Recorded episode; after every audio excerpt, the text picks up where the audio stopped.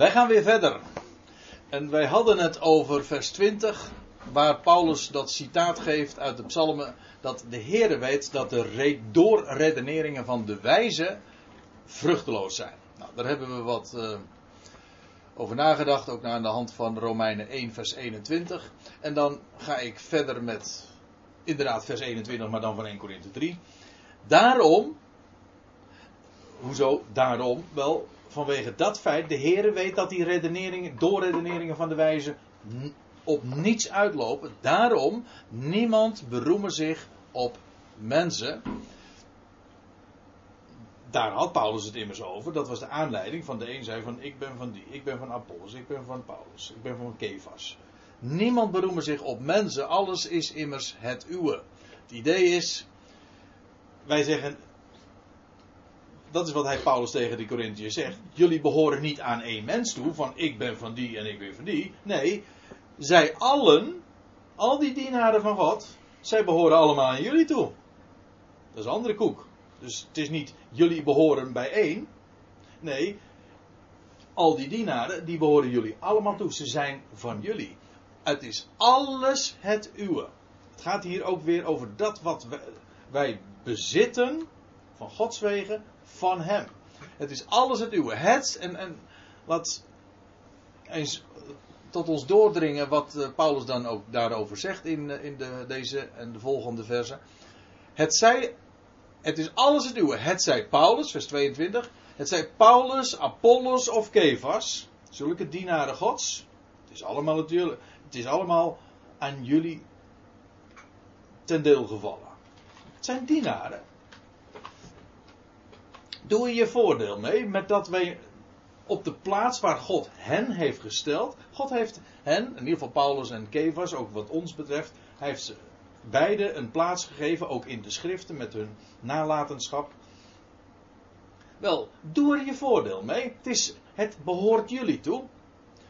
Het zij wereld, leven of dood. Paulus neemt het heel erg breed. Wat allemaal het onze is. Het is alles het uwe. Paulus, Apollos, Kefas, het zij wereld, leven of dood. Paulus, ik, ik citeerde zojuist uh, in, voor de pauze al even 1 Korinthe 6. Weet gij niet hè, dat wij over de wereld zullen oordelen? De wereld zullen richten? Ja, dat is allemaal ons domein. Paulus zegt ook in 1 Korinthe, maar dan hoofdstuk 10.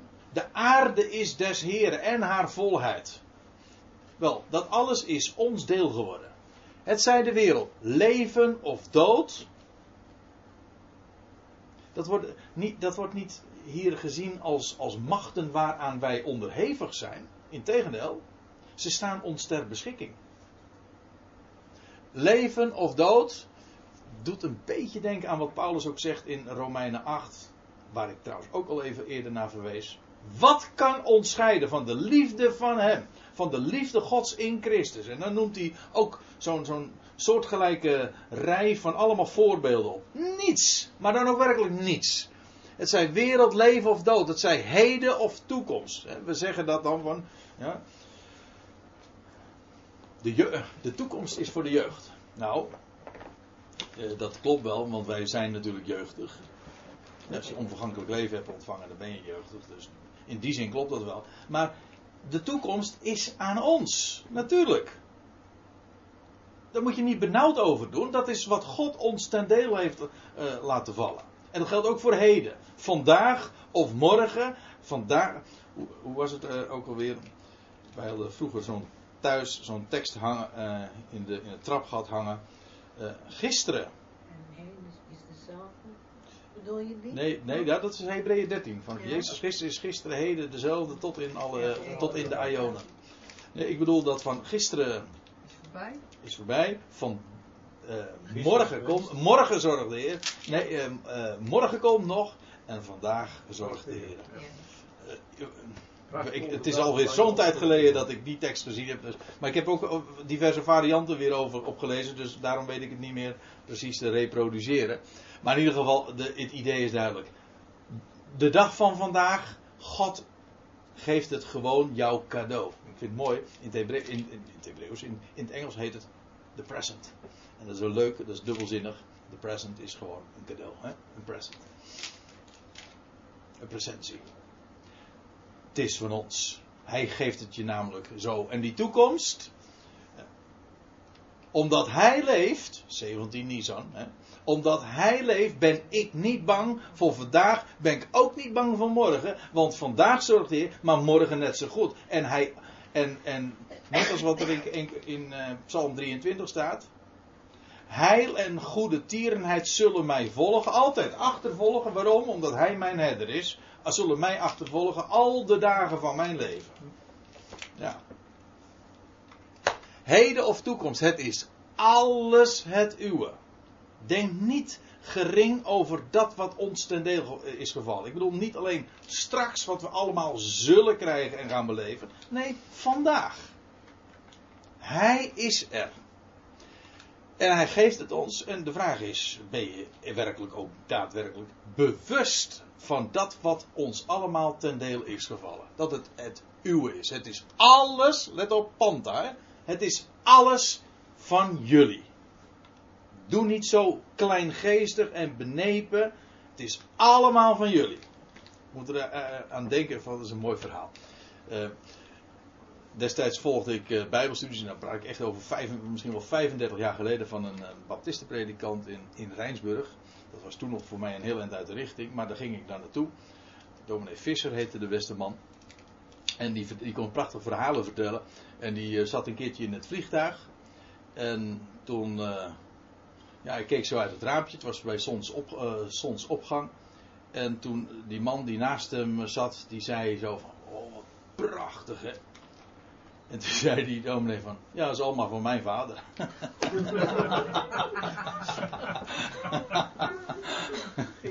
maar het is wel waar, het is allemaal van mijn vader. Hij had ook nog kunnen zeggen, en, uh, en, en het is mijn lotsdeel. Het is ons ook allemaal ten deel gevallen. Het is onze erfenis. Ja. Ja. Dat, dat triomfantelijke. Het is, het is, ja, dat mis je dus ook. Hè? We hadden het over hout, hooi en stro. Op het moment dat je op dat niveau gaat denken, dan word je ook benepen. Terwijl we op zo'n hoogte geplaatst zijn. We zijn op de hoogte gesteld, toch? Op de hoogste plaats. Dus doe niet zo benauwd. We, die rijkdom hebben we. Leef daar gewoon uit. Je ontzegt jezelf zoveel. Ja, behalve, ik heb het er dan nog niet eens over wat je aan hem uh, ontneemt aan heerlijkheid. En jezelf straks ook trouwens nog. En, je, en de anderen. Kortom, het is, alle, het is echt win-win hoor. Als je, als je met goud, zilver en edelgesteente je bezighoudt en daarmee bouwt. Je leven gewoon bouwt in het heden en de toekomst. Het is alles het uwe. En toch, gij en jullie zijn van Christus. En Christus is van God. Ik denk dat Paulus nog niet de leer van de drie-eenheid kende. Anders had hij dat zo niet geformuleerd. Nee, is ook zeker, want dat duurde nog een paar eeuwen voordat die leer, uh, zelfs het begrip, zou uitgevonden worden. Bestond niet. Nee, Christus is die mens die door God is gezalfd. Betekent Christus ook toen hij opstond uit de doden en zijn geest kreeg. En Christus is van God. Ja, nou, statenvertalers hebben ze toch nog wel een best gedaan. Christus is Gods. Ja, maar dat is gewoon een tweede naamval. Hè? Christus is van God, betekent dat gewoon ook. Ja. Ja, ja je bedoelt, je, het, het, het klinkt een beetje als. Ja, ja, ja.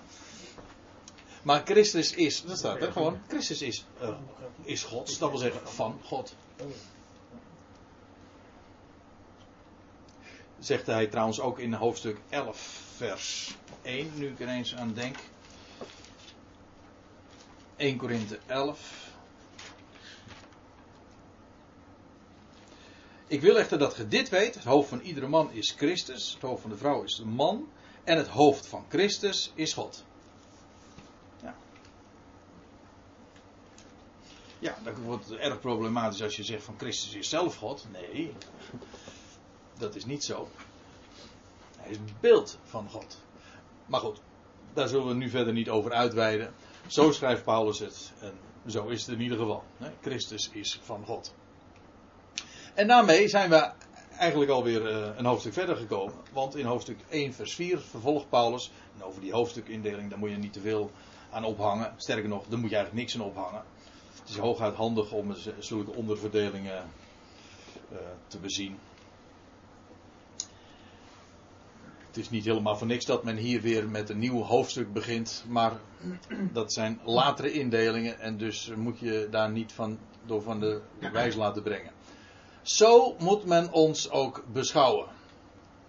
Let er trouwens eventjes op. Dat is een sport die ik beoefen. Om iedere keer dat woordje moeten, dat in de vertaling is ingeslopen, om die te detecteren en te zeggen, het staat er niet. Staat er hier ook niet, hè. Laat, laat jullie rekenen. Dat niet moet. Oké, het is een detail, maar ik, eh, ik wijs er toch even graag op. Laat men ons zo beschouwen. Het zou me niet eens verbazen als het in de Statenvertaling zo staat. Oh ja, sorry. Klopt dat? Nee, alzo houden in ieder mens. Oké, Wij zeggen Ja, ja, oké. beschouwen. oké. Maar in ieder geval ontbreekt dat woordje moet. En dat klopt. Eh, zo dat men ons zo beschouwen. Ja. Ons zo rekenen. Hier staat dat eh, woordje logie eh, ook weer in. Hè? Rekenen. Wie, wie bedoelen ze dan met ons? Zo moet men ons beschouwen. Bestrijden. bedienen. Ja, en dan, nou dat blijkt ook later wel. Nou, dan moet ik wel heel erg ver Ja. Ja. gaan, gaan bladeren. Ja, het gaat over, inderdaad over de apostelen. hè? Dieners, Ja, als oké. dieners, ons als dieners. Ja, want hij zegt van daarom niemand beroemen zich op mensen. Alles immers het uwe. Het zijn Paulus, Apollos of Kefas.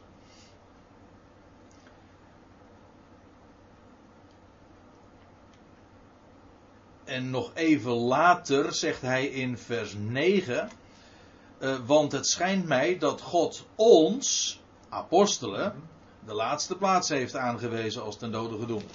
Dus eh, met ons denkt hij, eh, dan heeft hij het inderdaad over ons, namelijk apostelen, dat wil zeggen afgevaardigden, want dat is wat het woord betekent. Dus laat men ons zo beschouwen als dienaren van Christus. Ja, dat wordt, hier staat een heel ander woord voor dienaren dan wat we gewend zijn. Het gewone woord voor dienaar in het Grieks is diako, dia, eh, diaken, diakonos. Maar dat staat hier niet. Eh, het, is, het woord wat hier letterlijk staat, en vandaar ook het plaatje, staat een onderroeier. Het idee, ja, is- dat is namelijk wat het letterlijk betekent. Ik weet, het is logisch dat men dat zo niet vertaalde, want dat is gewoon domweg geen Nederlands woord. Maar het is wel leuk om eventjes dat woord even in zijn elementen eh, uiteen te zetten, want eh, zo men, zou men ons beschouwen. Dat plaatje geeft het aardig weer, want wat heb je dan? Het, idee, iemand geeft de leiding op zo'n boot en die zegt hoe men, hoe eh, de, de manschappen of vrouwschappen zouden roeien en in welk ritme. Wel, deze persoon hier in het plaatje, die heeft de leiding, die zegt hoe, dat, hoe men zou roeien. En wel, dat zijn allemaal onderroeiers. Dat is het idee. En dat is wat, eh, wat Paulus zegt. Gewoon volstrekt dienstbaar. Zodat je uiteindelijk toch bij dat die ideeën van dienaren uitkomt. Daar, daar heb ik dus helemaal geen bezwaar tegen. Maar ik wijs er eventjes op eh, hoe, dat, eh, hoe dat het precies staat in het Grieks. Zo, zo zou men ons beschouwen. Niet als mensen die zich op de voorgrond stellen. Integendeel, we zijn slechts onderroeiers. Aan wie het beheer van de geheimenissen Gods is toevertrouwd. Dat wil zeggen, we zijn beheerders. Hier staat het, het gewone woord. Hier staat het woordje eh, oikonomios. Eh, dat betekent, dat wordt elders vertaald met bedeling of huishouding. Eigenlijk is het huishouding. Oikos betekent huis. Een huishouding. Maar vandaar ook een beheer. Iets wat je eh, wordt toevertrouwd. In de Concordant Version Administrator vind ik er alweer wat verder van af. Maar het idee is gewoon een beheer, inderdaad. Een beheer is gegeven. Kijk, Paulus zegt: wij zijn niet de eigenaren. Nee, het is ons ook maar een beheer gegeven. Wij moeten iets beheren. Wat moeten wij beheren? Wel, de geheimenissen of geheimenissen of verborgenheden, mysteries van God. Nou, als er één is die daarin, eh, daarover kon meepraten, dan is het wel Paulus. Want aan hem zijn zoveel verborgenheden bekendgemaakt. Hij spreekt er zo dikwijls over in zijn brieven. Hij had er ook al over gesproken in 1 Korinthe 2. In de Romeinenbrief, nou met name dan in de gevangenis, dan pakt hij helemaal uit. De Efezebrief, de Colossensebrief, heeft hij het voortdurend over, over dat wat hem, aan hem is bekendgemaakt en wat in voorgaande generaties altijd verborgen is geweest en het is hem geopenbaard. Hij is geroepen ooit op de weg naar Damascus en God en de Heer had tegen hem gezegd van ik zal, ik zal je nader spreken, ik zal je nader inlichten.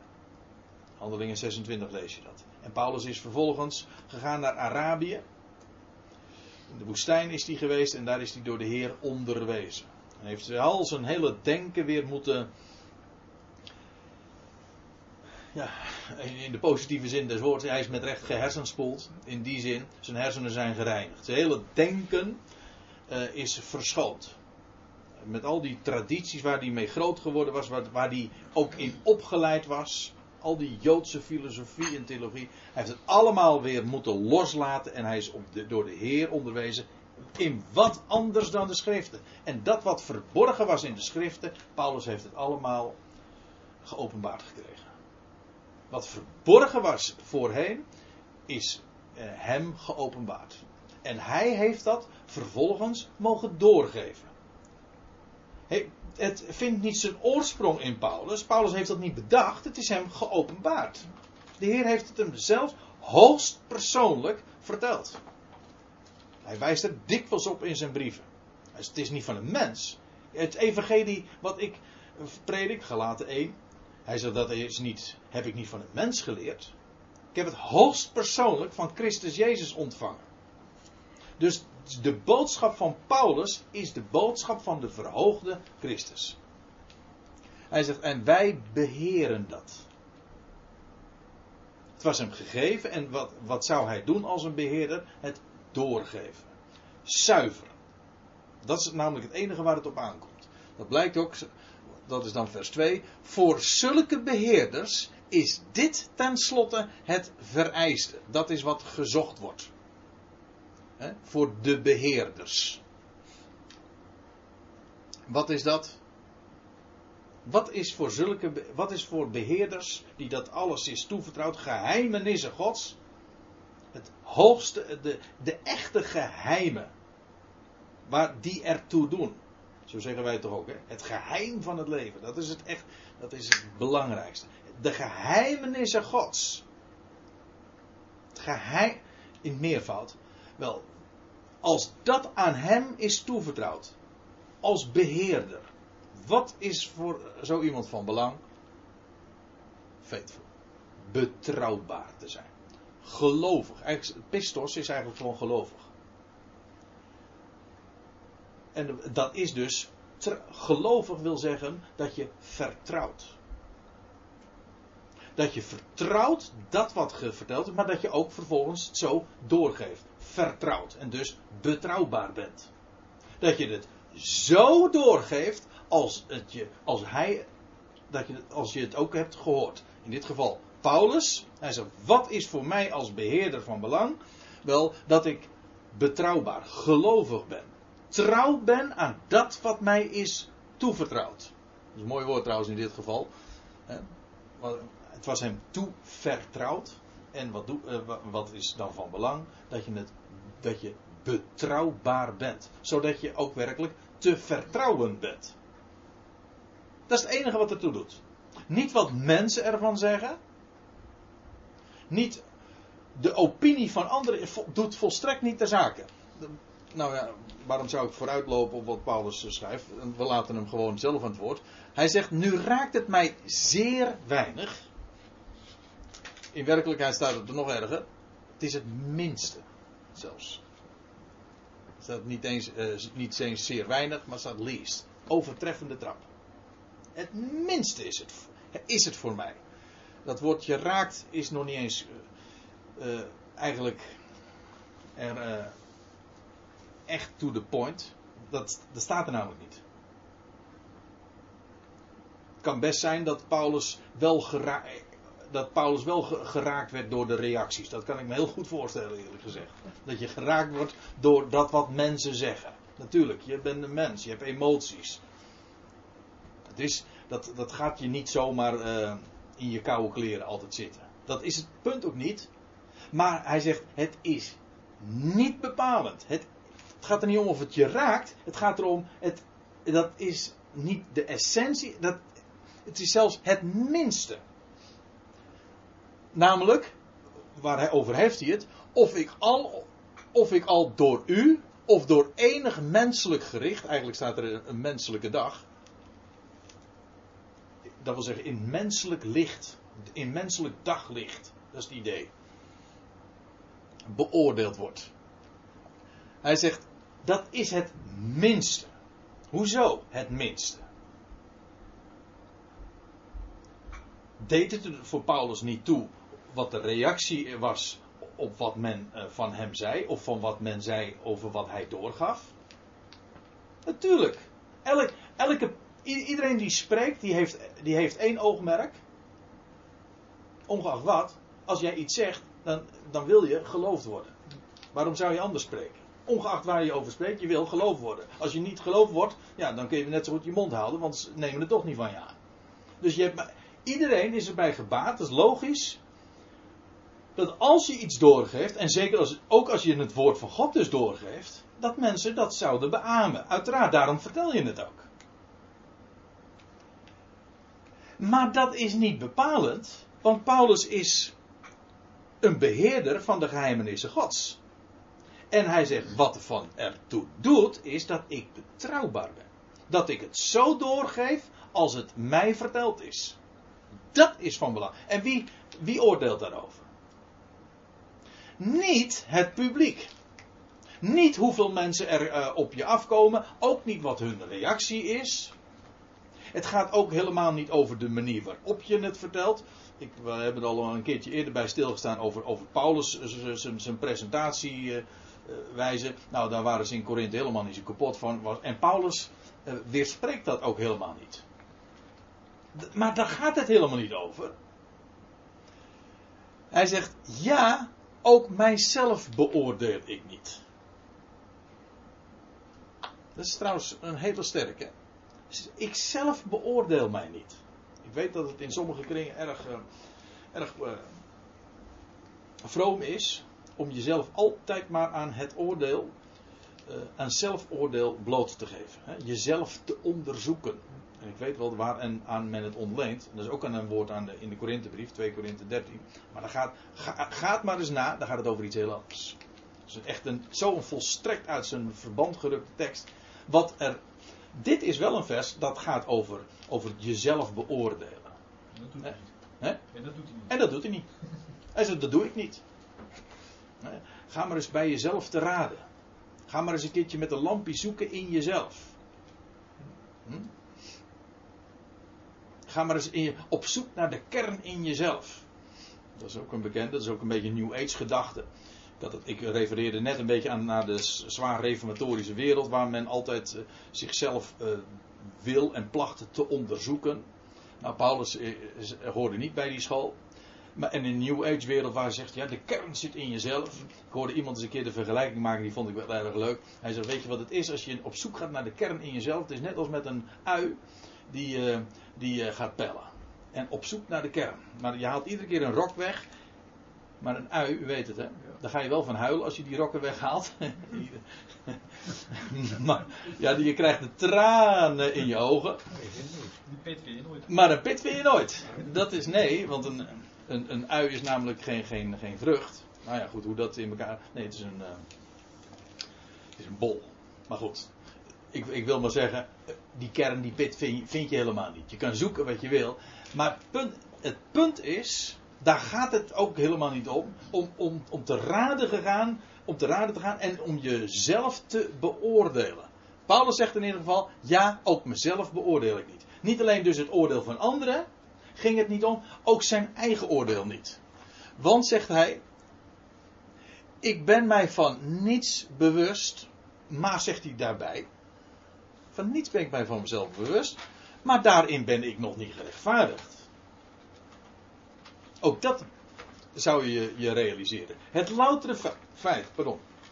Het loutere feit dat je je van geen kwaad bewust bent, zegt helemaal niks. Toen Paulus, laten we eventjes teruggaan in, in Paulus' eigen verleden.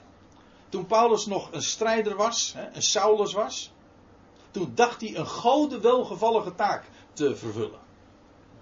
En hij had een brandschoon geweten. Hij, hij dacht, hij was een celoot, hij was een, een ijveraar. Hij had verder gebracht in het Jodendom. Die, man die stond helemaal bol van eigen gerechtigheid. God, ook naar God toe. Maar was hij daardoor gerechtvaardigd? Nee, het is namelijk altijd misleidend. Het loutere feit dat je je van iets eh, niet bewust bent, ja, dat zegt, dat zegt iets over je eigen onvermogen. Maar je kan jezelf ook niet beoordelen. Dit zijn sterke woorden hoor. Het geeft ook dus aan wat, dat Paulus daar niet, niet eh, zichzelf daarin ten voorbeeld stelt. Dat is wat hij doet. Hij zegt: ik, ik, beoordeel me niet. Hij zegt: Het loutere feit dat ik me van niks, eh, van geen kwaad bewust ben, daardoor word ik ook al niet gerechtvaardigd. Maar dat hele idee van jezelf willen beoordelen, dat idee deugt niet. Want er staat al ergens in het boek Jeremia: arglistig is het hart. En ik kende vroeger een, een hele wijze man. Ik heb daar eh, veel van, van geleerd. En die, hij, uh, hij placht uh, regelmatig dit woord te zeggen. En ik, ik, ik vind het altijd nog een heel diep woord. Hij zegt: Geen mens die spreekt, of hij bedoelt zichzelf.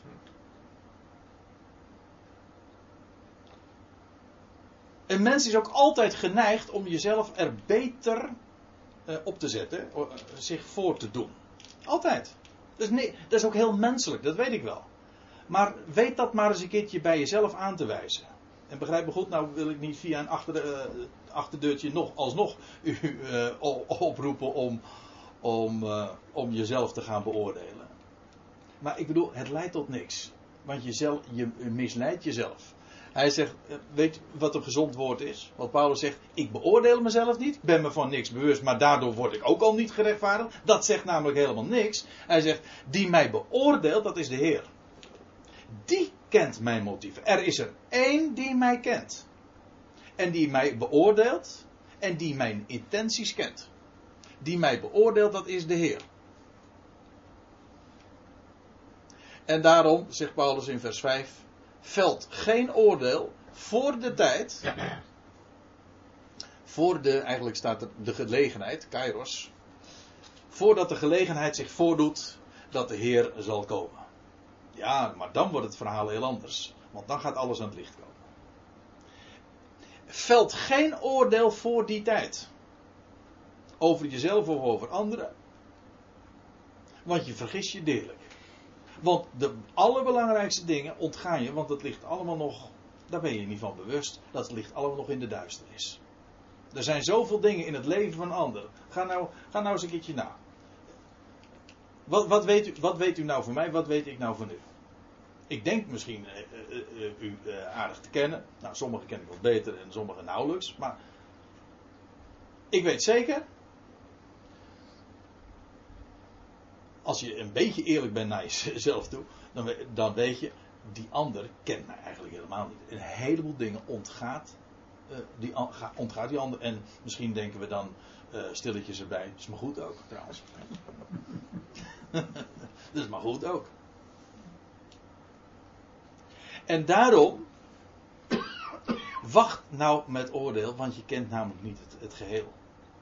Een, een goede rechter kan al, een, een goede rechter. Een rechter kan alleen maar goed een oordeel uitspreken als die alle gegevens ter beschikking staan. Als die het geheel over, kan overzien en alles erbij kan betrekken, pas dan is hij in staat een zuiver oordeel. Als, als de belangrijkste delen van de informatie nog ontbreken, ja, dan kun je dus helemaal geen gezond oordeel of goed oordeel, zuiver oordeel vellen. Daarom wacht dan gewoon. Elk oordeel, dat is wel een leuke.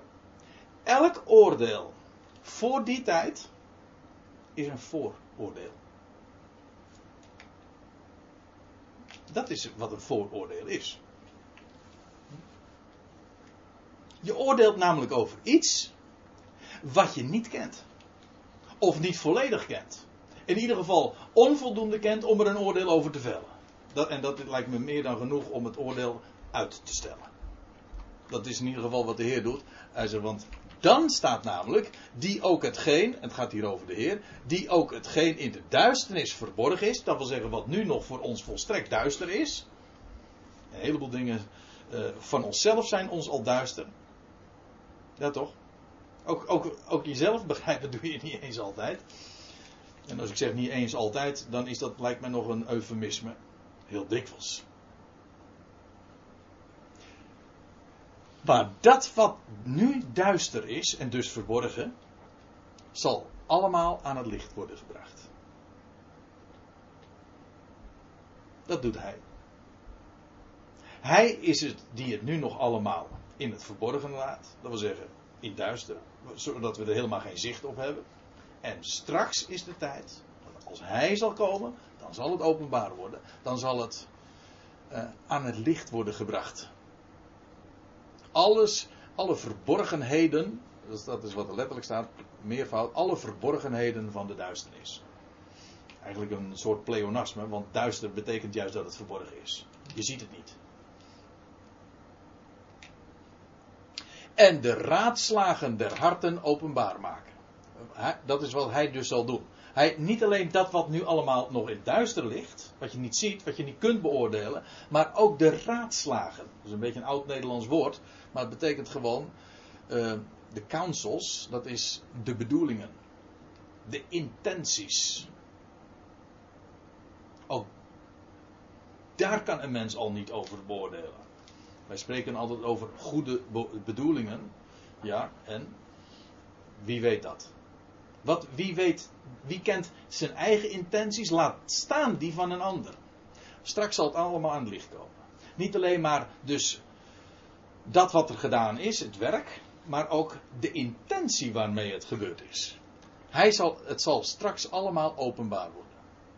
En hij, hij heeft het hier over die. Uh, ja, over de, de, tijd, de gelegenheid dat de Heer komt. En in de tweede Korinthebrief spreekt hij over de Bema. Wat dan altijd vertaald wordt met de rechterstoel, maar het is gewoon het podium. Zo u wilt, het erepodium. Dan zal, dan zal dat allemaal blijken. En dan, eh, dan wordt ook uh, waar wat dit uh, laatste gedeelte van vers 5 zegt. En dan zal elk zijn lof geworden van God. En ik heb er al eerder even op gezinspeeld op dit woord. Leuk hè? Applaus. Dat is, dat is wat, uh, wat er gaat gebeuren. Maar dan van God, niet van mensen. En daar heeft Paulus over. Men, men beroemde zich over mensen. En Paulus treedt terug. Hij zegt: Het gaat helemaal niet om mijn persoontje of om een ander persoon. Het gaat om dat wat ons is toevertrouwd. En het gaat maar om één ding. En dat is betrouwbaar te zijn. En of ik betrouwbaar ben, dat kan, kunnen jullie niet beoordelen. Kan ik niet beoordelen. Er is er maar één die dat kan beoordelen. En straks zal het allemaal aan het licht komen. En dan zal elk zijn lof geworden van God. Daverend applaus. Een daverend applaus, ja. maar eigenlijk uh, is dit een andere manier van zeggen. Als waar we het eerder over hadden. Over dat loon. Over dat wat stand houdt. En waarvan de Heer zal zeggen: dat is goed. En waar applaudiseert hij voor? Over wat hij zelf heeft kunnen doen in jouw of mijn leven. In ons leven. Want dat is wat lof verdient. Zijn werk. Dat is de bekroning op ons leven straks. En ik vind het zo mooi, dat staat er in, in, de, in het boek Openbaringen. Die kronen van de heiligen, wat lees je dan? En wat doen ze met die kronen? Die geven ze gewoon weer terug. Waarom? Dan zeggen ze van het is uw eigen werk. Dus hij, wat doet hij? Hij bekroont zijn eigen werk. Hij bekroont niet menselijk werk, hij bekroont zijn eigen werk. En, en het, het, hele idee is, straks eh, zal ook blijken dat het inderdaad eh, zijn werk is, maar ook in onze beleving. Ik bedoel het ook gewoon heel praktisch. Als het zijn werk is, zullen wij het ook werkelijk beleven als iets wat helemaal niet van onszelf is. Ik, ik zal één voorbeeld geven. Lijkt me van, van belang. Eh 1 Korinthe 15 lees je dat, dezelfde brief dus, 1 Korinthe 15, dat Paulus zegt: Ik heb meer gearbeid, zegt hij dan, eh, als, dan zij allen. En heeft hij het over zijn collega-apostelen. En dan zegt hij er meteen bij: Maar niet ik, maar de genade Gods die met mij is. Met, met andere woorden, het is helemaal, hij beschouwde het ook helemaal niet als een eigen verdienst. Hij kon niet anders, hij wilde niet anders. Hij, hij werd gewoon gedrongen. Het was een drive in hem. Hij, het was helemaal niet zijn eigen werk. Hij was, het was het woord dat in hem brandde. Het kon niet anders. Dus het was zijn werk. Hoezo eigen werk? Wel nee, Paulus kon het helemaal niet. De Heer had hem geroepen en hij had ook, de Heer had ook een vuur in hem ontstoken. Dat brandde. Dat was zijn werk. En dat, en dat, dat was die drive die, die Paulus overal bracht. Was dat Paulus helemaal in zijn beleving ook helemaal niet. En vandaar ook dat, dat straks zal blijken dat als die kronen dan, eh, die krans, eh, dat eerbetoon, dan wordt dat meteen weer teruggegeven. Waarom? Al, allemaal zullen ze moeten zeggen van ja, maar dat, dat waren wij toch niet? Dat was, toch dat was u toch die dat door ons heen deed? Precies. Precies. Dat is wat bekrand wordt. We zullen straks zeggen, hoezo wij? En dan zal aan elk zijn lof geworden van God. Dat wil zeggen, de goud, zilver en edelgesteente. Om even bij dat beeld te blijven. Namelijk betrouwbaar. Zijn woord. Zijn woord spreken.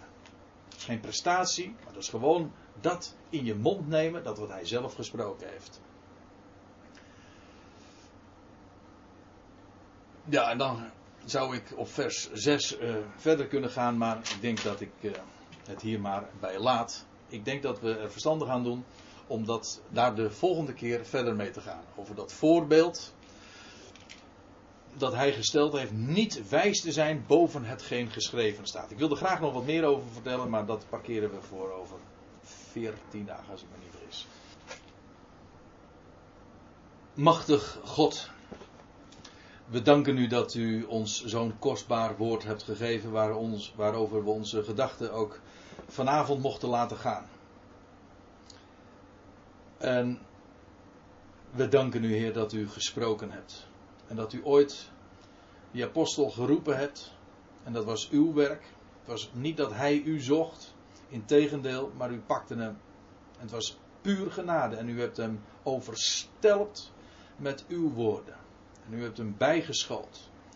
Zoveel dingen heeft hij moeten afleren, maar u hebt hem ook zoveel bekendgemaakt. En hij heeft het op, op mogen tekenen. Hij heeft het mogen doorgeven. Hij heeft het in brieven vastgelegd. En, en nu zoveel eeuwen later, we doen ons voordeel daarmee. En we mogen leven bij dat kostbare licht. En het is inderdaad, telkens weer opnieuw, blijkt het. Goud, zilver en als kostbare stenen, edelstenen te zijn. En we danken u, Heer, dat we elkaar daarmee mogen opbouwen, onszelf ook mee mogen opbouwen. En zo ook blijken een tempel van u te zijn. Heer, we danken u dat uw geest woning maakt in ons. Door het woord dat geklonken heeft en dat we mogen geloven. En ook dat is geen eigen werk. Heer, leer ons zo te staan op dat woord en onwankelbaar daarop te bouwen en daarin gefundeerd te zijn. Heren, we danken u voor het geweldige feit dat, waar we juist een dag als vandaag ook weer bij bepaald is, bij de datum van uw kalender. Namelijk dat de steen is weggerold. En dat de eersteling opstond en verrees. Tot onvergankelijk leven en dat de dood is overwonnen. Heer, we danken u dat het waar is wat we gelezen hebben. Alles is het onze. U hebt het ons allemaal ten deel laten vallen. Het zij heden of toekomst, zij wereld. Wat dan ook. Het is ons lotsdeel. Wij zijn van Christus en Christus is van God. Heren, we danken u dat we in dat bewustzijn dag in dag uit mogen leven. En laat ons leven één grote ode zijn aan uw naam. Zodat we straks dat applaus zullen horen. Namelijk dat wat u in en door ons heen hebt kunnen doen. In de naam van uw Zoon, Christus Jezus. Amen. Die 17e Nissan, hè, daar had je het nog even over voor, voordat je begon met de studie. Ja. Dat was de dag dat de ark vastliep op de, Ja. op, op de berg, toch? Ja. De het- 17, nou, dat, dat lees je. Dat was de 17e van de zevende maand. Ja. Maar aangezien die zevende maand later de eerste maand is geworden, was het dus de 17e Nisan. Ja. Dat is toen ze de Jordaan doortrokken, toch? Dat God zei, vanaf nu zult gij... Nee, dat is op de dag van, dat is eh, bij het Pascha. Dan lees je, dit zijn, in Exodus 12, dan lees je vers 1, 2. eh, dit, dit zal u zijn, de eerste der maanden. Ja. Ja. Oké. Het staat me nog erg helder voor de geest, want afgelopen zondag heb ik daar nog in Den Haag over gesproken. Dus voortaan werd de zevende maand de eerste maand. Ja, dat is, alleen de Genesis is al schitterend. eh, ik bedoel, die, de wereld was overstroomd geweest. Het waren echt met recht doodswateren. En dan vindt die ark vastheid op, net op die dag. Ja. Vindt ja, het drogen. Het- eigenlijk is daarbij eh, ook alweer het idee. Het, het, eh, eh, hetzelfde als dat het droge uit eh, de wateren komen. Het was ook op de derde dag trouwens. Genesis 1 al. Ja, als iets uit het water komt, is dat eigenlijk altijd een beeld van de opstanding. Als Israël door de Rode Zee gaat, is dat ook opstanding. Of door de Jordaan is het opstanding. Of als er iets uit de Jordaan opstijgt, bij de dood bijvoorbeeld, is dat ook opstanding. Het is allemaal uit de, uit de doodswateren omhoog komen. Dus leven, nieuw leven. Ja, en dan eh, was het op die 17e Nisan dat de Heer Jezus opstond. Ook nog eens een keertje de dag van de eerstelingsscharven. Ook, ook, het stapelt zich allemaal op. joh. Ja, dat bedenkt geen mens. Nee. Pak het allemaal in elkaar. Ja, vast allemaal. Ja, en dat heb ik eh, bij een andere regen nog eens verteld. Dat de Heer Jezus ook op de 17e Nisan is besneden. Want hij werd geboren op de 10e Nisan. En op de achtste dag, dus dat is op de 17e Nisan, werd hij besneden. Met de bedekking weggenomen. Ja, en, maar de besnijdenis is ook een beeld van dood en opstanding. Het was juist eh, dat God de- uit een dode Abraham een nieuw leven verwekte. Ja, dat is, dat is opstanding. Maar het was gebeurd op de 17e. Dus de Heer Jezus stond op op de dag dat hij ooit op de achtste dag werd besneden. En dat de ark vastliep, nou ja, het is toch... In de Bijbel, daar heb ik niks mee. Nee, daar heb ik. Ik wil, ik, ik wil, ik, ik wil een beetje een praktische boodschap hebben. Waar ik vandaag wat mee kan doen. Ja. Ja. Maar het is wel, ja, het is frappant. Het, is, eh, Nou, het is goddelijk, hè? het lijkt of het bewijs gewoon bijgeleverd wordt. Ja. Eh, ja, zoiets. Hoe moet ik dat zeggen? Dubbel gestikt, zeg maar. Ja. Ja, ja het, is, het is gewoon ook het, het intrinsieke bewijs van de schrift. Hè? Het is, ik, je, hoeft, je hebt geen bewijzen nodig van buiten, zeg maar, die, die de Bijbel bewijzen. De Bijbel bewijst zichzelf daarmee. Door, door die hele structuur, die eenheid die het vormt. Dan zeg je, ja, al die- al Als je daarmee bezig bent, dan zeg je: Dit is niet te geloven. Dit, dit, dit bedenkt toch geen mens? Nee. Al die teksten God die zijn er rekenen. en God kruipen. geademd. God geademd. Ja, Allemaal dezelfde adem. hè. Ja. En dus levend. Want als Ja. God ademt, dan geeft hij. eh, Ik wil maar aan Adam. Als God zijn adem geeft, dan wordt het levend. Dat is met die schrift ook. zo. Ook Als God geademd en dus levend.